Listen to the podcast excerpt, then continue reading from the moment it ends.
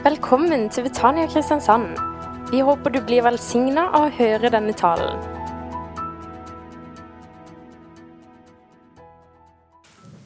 Ja, altså Jeg går jo rundt og sier at jeg er ny her. Du, du nevnte det, Henning. og Jeg har jo bare vært pastor her en måned. ikke sant? Så Jeg kommer til å si det en stund til, men det er klart det er bare en unnskyldning hvis jeg glemmer navnet ditt. ikke sant, når jeg hilser på deg. Og så kommer jeg der og så sier jeg er ny, da, ikke sant, som en bortforklaring på at jeg ikke har lært, eh, lært uh, navnet ditt. For det er jo sånn at det er lettere for deg å huske navnet mitt enn for meg å huske navnet til alle dere. Uh, det, det vil jeg jo bare minne om. Og så um, snakka jeg litt med Henning her på, på første rad. Og så, eh, Til dere som er medlemmer her i menigheten, så er det jo sendt ut innkalling til menighetsmøte på onsdag. Også, og det blir det, altså. Selv om det har falt ut akkurat fra den informasjonsrekka som kom her, eh, som Henning hadde fått. Så, så, det er menighetsmøte på onsdag som, som planlagt. Eh, og så Jeg vet ikke åssen det er med deg, men eh, Altså, jeg, jeg, har akkurat fått TV. Det, det, høres jo ut som noe man ikke skal snakke om eh, på, på, et kristelig møte. Men, men, jeg har faktisk, eh, vi fikk det på onsdag. To og en halv måned har vi liksom venta på dette internettet. Og så Jeg titta på den her, eh, hun Elisabeth, så dronning i England er jo død.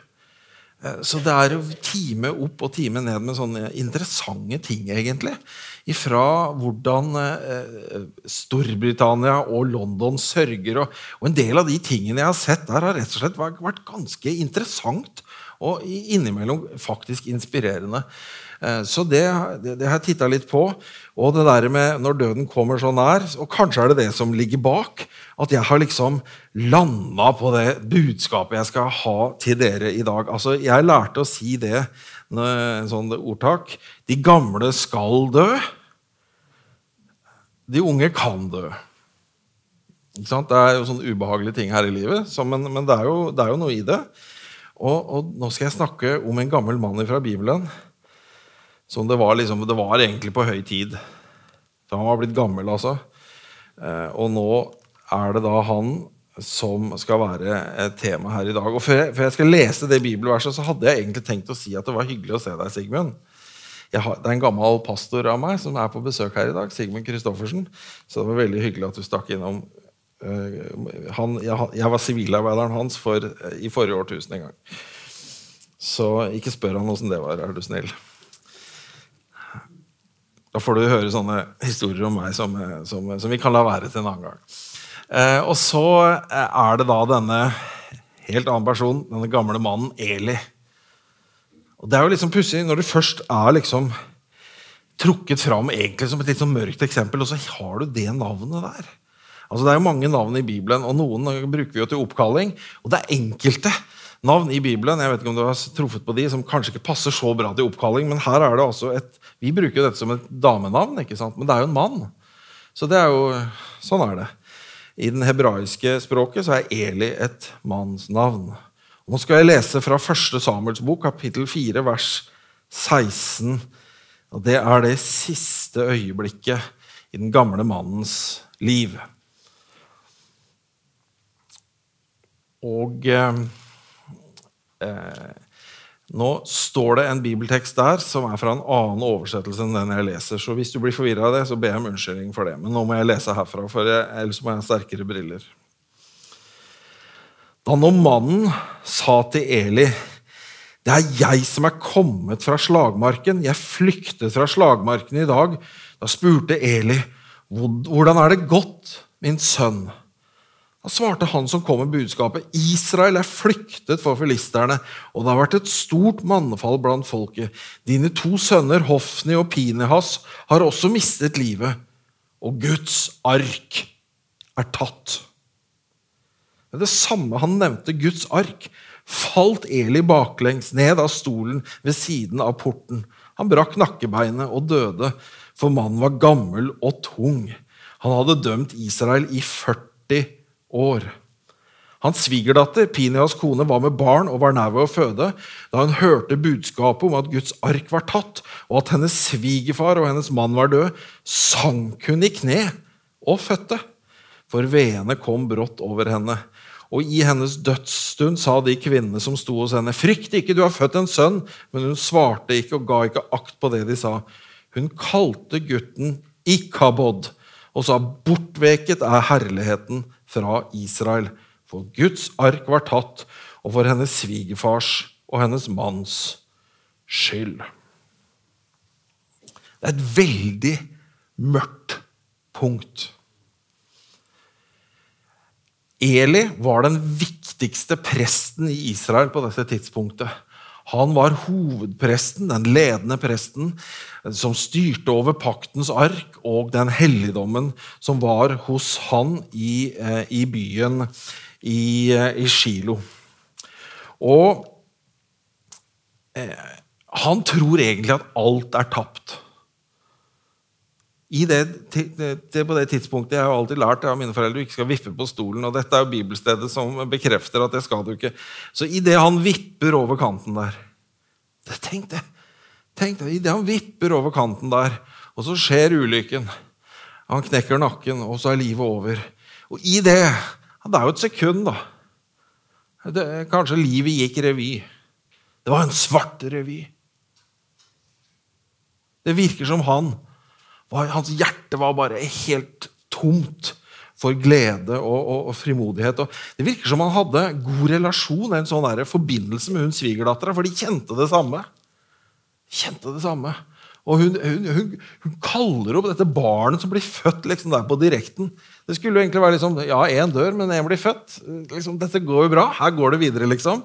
En, en arving i den presterekka. Men hun sier nei. Ikabod. altså Det er liksom uår. Ulykke. Det er ikke noe fint navn å gi et barn, det. Jeg liker Hva var det de Joy. Happiness. Jeg blir kjent med folk som bruker sånne navn. Det er fantastiske, men her er det unhappiness. Sadness. Det er ulykke. Ikkabod. Bortveket er herligheten fra Israel. Paktens ark er takt, tapt, og de tre prestene i denne fortellingen dør. Fordi Eli han var arving. Han var prest etter Arons vis. Hans far hadde vært prest, og faren hans. og så far, far, far, så, så hvis, hvis, vi leser veldig nøye på kryss og tvers, så skjønner vi at det må være Ittamar, den fjerde sønnen til Aron, som er eh, Elis forfader. Og så er han etterkommer etter selveste Aron, den store israelittiske presten. Så dette her må være prest. Det er ikke en jobb for han. Det er ikke liksom en karriere. Det er, det er et liv og en identitet. Det er navnet og livet og jobben og familien. Og nå forsvinner selve herligheten. Og i den forbindelse at han var, hadde denne, denne, arven, så hadde han faktisk blitt salva med den hellige oljen. Det er litt interessant. Vi kan ta oss og titte litt der eh, i andre Mosebok, eh, kapittel 30, vers 23 og 24, om den der salveoljen de brukte. det er basert på olivenolje, så det er ikke så spesielt, men det er litt interessant likevel. Vi må lese det. Midt inni Moseloven så er det sånne gullkorn. skjønner du.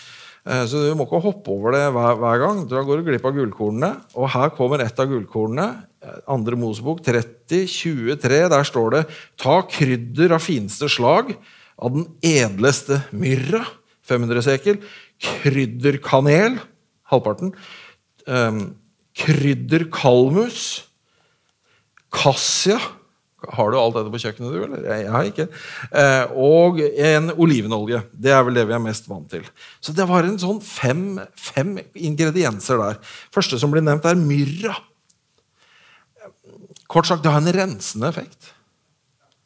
Det har en rensende effekt. Og lukter veldig godt. Og kanel, ja, det er jo mer enn på risgrøt. Det det er noe søtt i kanelen. Og det ble regna som en kongelig gave. Kongelig gave. Og så, så, så, så, er det altså krydderkalamus, står det sånn som jeg leste her. I den nyeste norske bibeloversettelsen så står det 'velluktende sukkerrør'. Og Jeg har i dag eh, gransket så mye. Jeg har funnet, der er, det, det, det, som står på hebraisk der, Man vet ikke helt hva det er. Man driver og diskuterer. Var det et sånn type sukkerrør? Var det et spesielt siv som du kunne bruke som, som krydder? Da tenker jeg på sånn purreløkaktig. Eller masse forskjellig. Det Man vet ikke helt sikkert, så jeg bare hopper over det. Jeg kan ikke si noe sikkert om det. Og den fjerde tingen, kassia. Det er, det er, et sånt krydder som, som, ble brukt i medisin. Det regnes faktisk som en av de 50 kinesiske medisinske urtene. Det var importert fra Asia. Det var, det var helse i det. Skjønner du? Alt hva som var bakt inn i denne oljen som de var sal salva med, var rensende, velluktende, kongelighet, eh, helsebringende. Det var liksom noe godt. Noe overflod, denne oljen.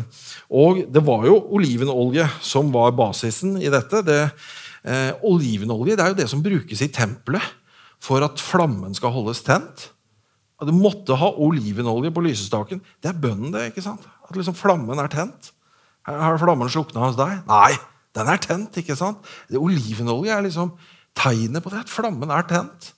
At vi, vi kjenner liksom gudsnærværet. Og, og, så kommer det fra uh, oljetreet, da, eller oliventreet. Og det, Hvis du bare ikke gjør noe med det, så er det som en busk. liksom, Som en buskas. Mens hvis du liksom prepper det sånn som Det, er veldig mye rundt Middelhavet hvor man dyrker oliven. Eh, så kan du grave, og du må ordne med en skikkelig gartnerarbeid. Da kan det bli et flott tre. Og det kan faktisk bli så høyt som 10-12 meter. Eh, og, og, og, og, da blir det et sterkt tre. Og det kan, det kan bli 2000 år gammelt. Det har altså nesten lite grann av evigheten i seg. 2000 år er jo ingenting mot evigheten, men du skjønner, det er veldig langtlevende. Det står kanskje et oliventre som var der da Jesus ble født. skjønner du? Ja, det er Kjempefascinerende. Disse tingene dette kan vi se på som forklarer noe av hva innholdet i salveoljen gjør i den åndelige forstand med den som får det. Og Eli hadde fått denne salveoljen. Sønnene hans hadde fått det, og ingen andre. Det var liksom unikt utvalgt A-lag. Men så viste det seg at disse sønnene var jo noen udugelige, ugudelige knekter. De var ikke udugelige, de var verre enn det. De var ugudelige. De var dårlige. Det står i, i, i dommernes bok om en som leide løse og frekke menn. Det syns jeg er viktig. Disse to karene der hadde fortjent denne betegnelsen. Løse og frekke menn. De var bare ikke så løse. Det er tre anklager som blir bekrefta mot disse to karene. Det første syns Bibelen er det aller verste. Men det, det, skjønner ikke vi, for vi driver ikke Moseloven. Det var det, De rota med ofrene. For det var sånn at, at, fettet det skulle brennes for Gud. Det var grillduften. Det ikke sant? Det skulle være til Gud. Men de vet du, nei, det skal vi ha, sa de. Så de kom og stakk av gårde med grillmaten og spiste det sjøl. Det som skulle være til Gud, fora de seg selv med. Det er veldig alvorlig, synes Bibelen. Og vi tenker på ja, hva, ja, ja det var. Vi, vi, skjønner ikke det helt, men vi skjønner at Bibelen sa dette var veldig alvorlig. Skal vi se, er, det, er det barn her? Altså, nå kommer det litt sånn søndagsskole for voksne her. Beklager, altså. Men altså Det, det jeg syns er det mest forferdelige som disse gjør, det er at de tar seg rette overfor kvinnene som er frivillige tjenere i helligdommen, og ligger med dem. Altså, det, det, dette er straffbart etter norsk lov også. Og som du skjønner forferdelig. Og når faren Eli snakker dem til rette, så hører de ikke på han. Enda de liksom blir satt til veggs. Hva er det dere gjør? Slutt! De slutter ikke. De bare fortsetter. Så dette her Det må ha knust Elis hjerte.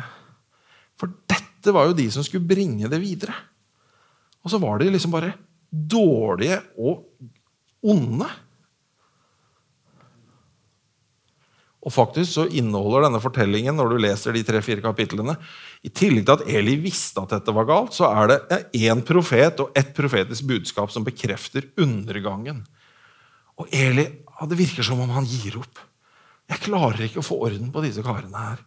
Og det, akkurat det kan jeg ha litt sånn Jeg tror det er mange av oss foreldre som kan kjenne liksom derre hva, hva, hva, når det ikke går som det skal? Hæ? Ikke sant?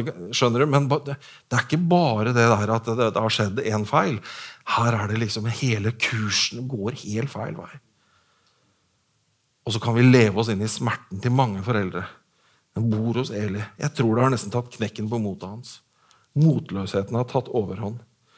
Så angriper filisterne, de vinner denne krigen. Og, og, og, og, som en sånn desperat krigsknep så sender de paktens ark ut med i, i, i krigen. Som et våpen, på en måte. Og, Til å begynne med så ser det ut som det var et lurt knep, men så ender det med at paktens ark blir tatt av filisterne. Så alt har gått til grunne. Altså, salvel, rekken med prester Alt dette ser helt elendig ut. Paktens ark er tatt, og Eli er i ferd med å dø. Og idet han bikker bakover, så tror jeg det er en svart film. Ja, se på det bildet der, en, et maleri jeg fant et sted på internett. Da bikker han bakover til hva skal man si, det blir en siste bikk, eh, og så er det over for Eli. Noen har dømt Eli ganske hardt og sagt at han var en ond mann. At han tillot avgudsdyrkelse i tempelet. Jeg syns det er veldig urettferdig. For meg virker det som om han mener alt godt, men han får det ikke til. Han får ikke til etappevekslingen. Han mister pinnen i stafetten. skjønner du? Har du sett de der? Verdens beste løper, og så mister du pinnen, så er allting ødelagt. Sånn er det i stafetten. Eller det har skjedd med Norge en gang. De knekker staven. Skal veksle i sånn langrennsstafett, så knekker de staven til den andre. Hutte meg tu. Han knekker staven. Så går det ikke sånn som det lå an til å gå. Men hans hjerte, selv om det er fortvila, virker på meg å være helt rett. Jeg skal fortelle deg to episoder som viser det. Jeg tror e- e- Eli helt hadde glemt det som nå jeg nå skal si.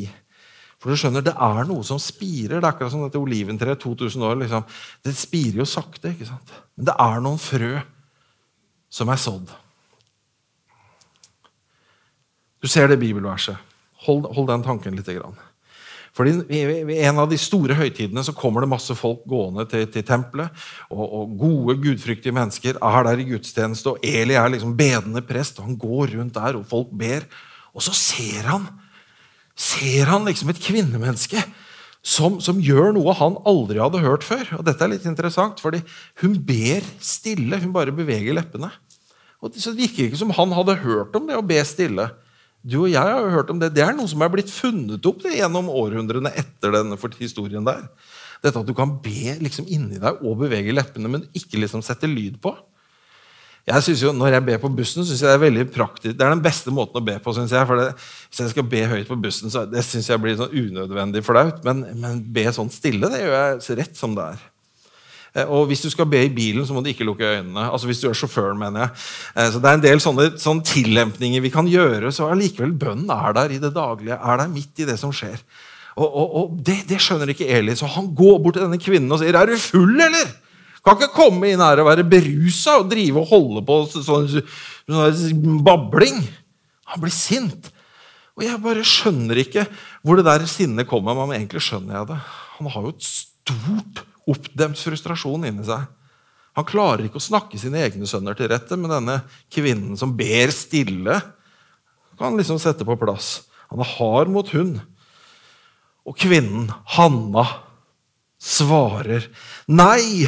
Jeg er en kvinne som bærer på en tung sorg. Var det kanskje akkurat det ordvalget som traff Elis hjerte?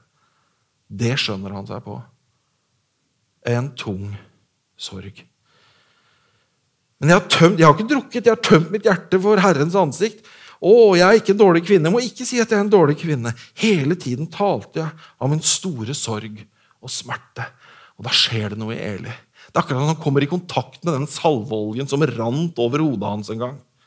Det som liksom bærer tjenesten hans oppe. Han ser at det går til grunne. Han ser at det går ned. Disse sønnene hans de er, de er onde og dårlige, men, men, nå våkner det noe til liv i han, og så da taler han profetiske ord. Gå i fred. Israels Gud skal gi deg det du har bedt han om. Han vet ikke hva det er. Det er en barnløshetshistorie. ikke sant? Ufrivillig barnløshet. Det er jo et kjent tema i vårt land. Liksom økende problem faktisk i vårt land. Det er en stor sorg. En tung sorg. Og så kobler Eli på den oljen som en gang rant. Det som på en måte er det egentlige, det som er det friske i hans hjerte, men som er liksom pakka inn i all sorgen. Så blir hun gravid. Hun går hjem og blir gravid med mannen sin. Så det blir en, en stor velsignelse. Og så skjer dette pussige at hun kommer med Samuel-gutten som hun føder, og sier det var dette jeg ba om. Jeg ba om en gutt, og nå skal jeg gi han tilbake til Herren. I alle dager. Vi er vant til mye gaver her, men en, en helt frisk gutt det var jo han visste ikke, Jeg ser liksom for meg at han syntes det var litt som Så kommer liksom damen i familien løpende til og sier vi skal ordne dette. Han kan bo her. For det var jo en storfamilie. dette her, Det var ikke bare han gamle Eli på 90. liksom. Så, så da kommer storfamilien til, og så får han vokse opp der. Han får en fosterfamilie. Han blir en fostersønn, han blir en adoptivsønn. Hvordan er det der henger sammen, egentlig? Så blir denne Samuel-gutten levende i denne familien. Og han er det håpet som Eli ikke ser. Han er så liten. Og det er jo ikke hans egen sønn. Men der kommer selve håpet vandrende inn i denne døende familien hvor sorgen og frafallet egentlig har satt inn i generasjon to. Men så kommer det den neste generasjon som bare sprer håp. Talt inn i virkeligheten av en inspirert prest, Eli. Og Jeg har nok tenkt at han syntes det var litt mas med den lille gutten. Ja, du ropte på meg. Gå og legg deg, sier han. Gutten er blitt så stor når han snakker. Han går, Så kommer han en gang til, og da hører jeg, når jeg leser det i Bibelen, så hører jeg sånne små barneføtter som tasser. Mine har jo flytta til Oslo, så jeg, akkurat dette savner jeg. De små barneføttene som tasser på gulvet. Du ropte på meg. Nei, jeg ropte ikke! Slutt å tulle! Gå og legg deg. Du, du, du hører, jeg, jeg, hører inni meg at Eli er irritabel. For han er hele tiden irritabel. Og det har jo ikke med den lille gutten Samuel å gjøre. Det har jo med de store slubbertene å gjøre. Men midt i denne situasjonen så klarer allikevel Eli til slutt, på tredje forsøk, å koble på. Er, det noen som roper på deg? Du skjønner, det er ikke jeg. Ok, sier Eli. Så får han liksom kontakt med denne kjernen, denne oljen som flyter ifra himmelen som har rørt ved han og gjort at hans ord har noe fruktbart i seg, som kan skape noe, som kan gjøre noe, som kan være profetiske, som kan komme med redning og frelse og håp fra Gud. Så taler han ut. Du, Hvis du hører stemmen en gang til, så skal du bare ligge helt rolig og si Da skal du bare ligge helt rolig, og så skal du si um, um, um, Og nå roper han på deg igjen, så skal du svare Tal, Herre din tjener hører. Så selv om Elis liv er i ferd med å gå til grunne, i fortvilelse og, og, og, forferdelse, så klarer han å lære den lille gutten å høre Guds stemme.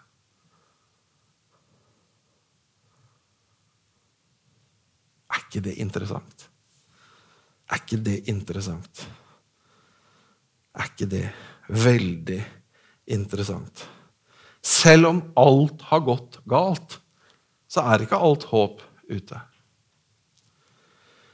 Eli så undergangen for sin familie og fikk klare domsord fra Gud. Men han blir likevel redskap for noe underfullt som Gud er i ferd med å gjøre i Israel. Men han dør før han får se det. For hvem er denne Samuel-gutten? Hvem blir han? Han blir jo Israels landsfader. Han er den som salver både Israels første konge, Samuel, nei, Saul, og han salver Israels evige konge, David. Det er denne gutten som blir den som forløser håpet i nasjonen noen år senere.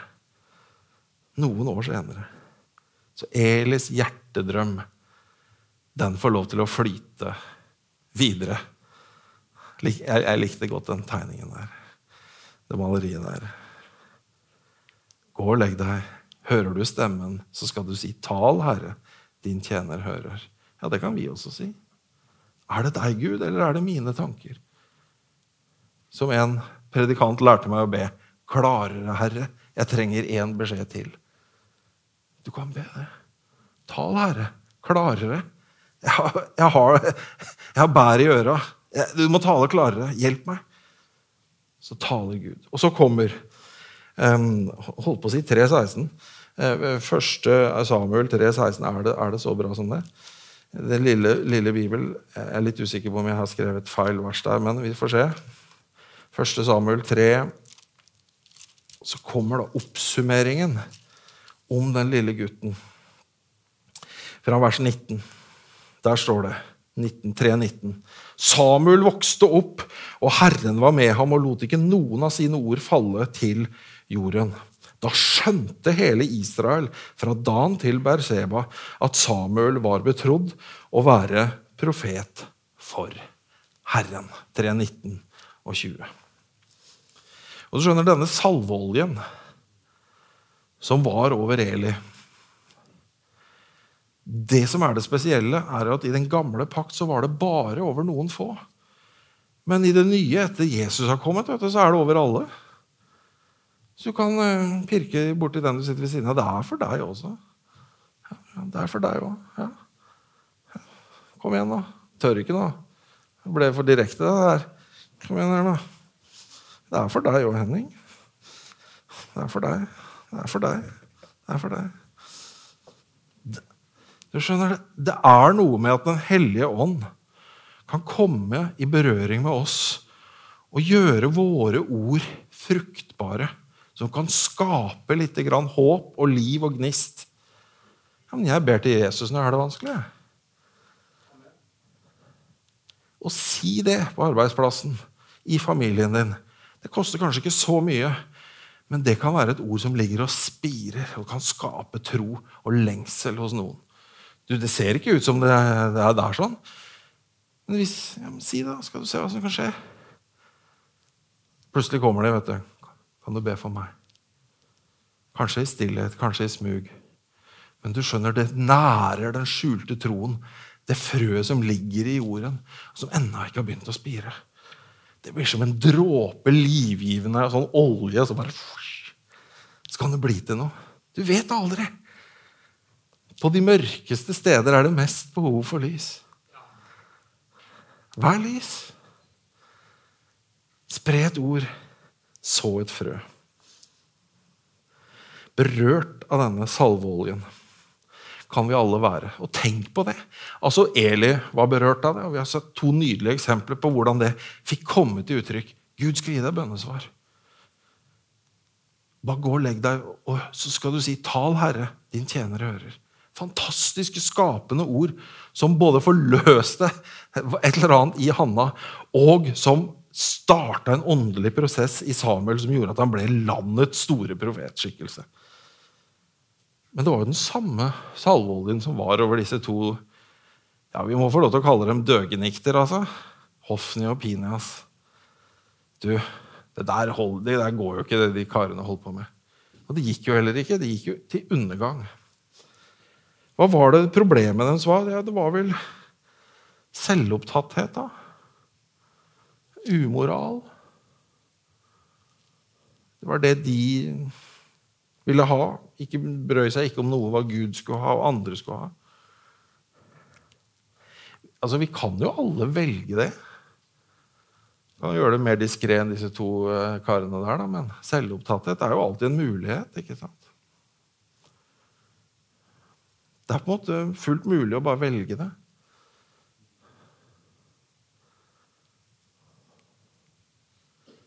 Eller vi kan gi håp med ordene våre. Gud hører bønn. Du kan høre Guds stemme. Det står noe fantastisk i Nytestamentet, i 1. Peters brev. Ehm, Kapittel, ehm, kapittel 2 og vers 9. Den første halvdelen av verset der, der står det Dere er en utvalgt ett. Dere er en utvalgt ett. Et kongelig presteskap. Et, folk til, et hellig folk, et folk til eiendom. Det er, det er det vi er kalt til å være. Eli var prest. Hva er nøkkelen til å forstå hva den funksjonen handla om? Jo, Det var jo på en måte en mellommann mellom de vanlige folka og Gud. Så kommer jo Jesus og åpner veien på vid vegg. Ja, Det er så maktpåliggende at det blir tydelig at det er døra på vid vegg. At forhenget i tempelets helligdom revner fra øverst til nederst. Guds himmelfinger trekkes nedover stengselet som sier 'Nådens plass er blottlagt'. Adgang for folk og røvere av alle slag. Så det er fri adgang. Hva, hva, hva trenger vi en prest da når det er fri adgang? Ja, Det er jo for å hjelpe folk på veien. Det, det står også at prestene hadde ansvar for å bygge veiene inn til disse tilfluktsbyene, sånn at ikke folk skulle snuble på veien. Og bygge en ordentlig sykkelsti, vet du, så folk ikke si, krasjer og ikke kommer fram til møtet. Skjønner du? Men det, men det, var sånn i det åndelige, i det medmenneskelige. Vi skal bygge en vei. Og åpne veien for folk. Si det er åpen vei. Ikke være sånn som disse hoffene og Pina som stengte veien og sier 'Kom her, dette skal vi ha'. Nei, de, Eli, på gode dager så åpna han veien. 'Kom her, dette er veien'. Kom her, dette er veien. Det er det vi er kalt til å være som menighet, som enkeltpersoner og som fellesskap. Det er liksom åpne på vid vei. Ja, men det er en vei her. Kom igjen, da. kjør. Det Brua er ferdig. Det er asfaltert. Det er velkomstkomité. Det er blomsterseremoni som venter på deg. Du er velkommen hjem. Hvis du er en fortapt sønn som trenger en, en, liten, en liten, sånn omgang på spa Ja, spa er varmt. Står og venter. Bare kom. Alt er ordna. Det skal vi være. Et, en sånn prestelag som åpner veien og sier 'Kom, da'. Han har gjort alt ferdig, og du er velkommen. Folk og røvere i alle byer. I alle byer. Sånn presteskap vil vi være. Ikke som Hofni og Pineas, men sånn som vi kan la oss inspirere av gamle Eli. Og siste halvdel av det samme bibelverset, der står det For at dere skal forkynne Hans storhet, Han som kalte dere fra mørket til sitt underfulle lys. Det er trist å tenke på mørke Eli må ha kjent på da han bikka over kanten. Han visste ikke at han hadde bana vei for Israels lys. Men det hadde han. Men det hadde han. Og det kan vi tenke på hvis vi mister motet noen ganger og tenker det går ikke. Nå er det mørkt. Ja, men Gud ser lenger. Gud kan gjøre mer. Han kan gjøre mer enn vi forstår. Han hører dine bønner, enten du ber dem stille som Hanna i fortvilelse, eller du ber dem som mørke hjertet til Eli. Jeg vet ikke om han fortsatte å be. Kanskje, han, kanskje det glapp for han i hans sorg over disse to sønnene. Men det fantes jo et håp. En fostersønn. En adoptivsønn, eller var det sønnesønn, skal vi kalle det? Eller kanskje til og med et oldebarn. Der kommer det nye lyset strømmende inn. Det kan også skje hos deg. Amen. Kjære Jesus Kristus. Jeg ber deg for hvert menneske som sitter her i dag i denne salen. Jeg ber deg altså for hvert menneske som hører dette i et opptak der de sitter og mørket har tatt overhånd jeg ber deg, Herre Jesus, at mørket skal vike, at håpet skal bryte igjennom. Vi kan be 'Tal, Herre, din tjener hører'. Og vi kan si 'Gud kan gi oss bønnesvar'. Du kan åpne denne nye og levende veien på vid vegg. Og Hjelp oss å ikke sperre veien for noen, men å åpne veien for alle og si 'Det er åpent nå. Du kan komme. Du er velkommen'. Amen. Du har nå hørt en tale fra Betania Kristiansand. For mer informasjon kan du besøke våre hjemmesider på betaniakrs.no.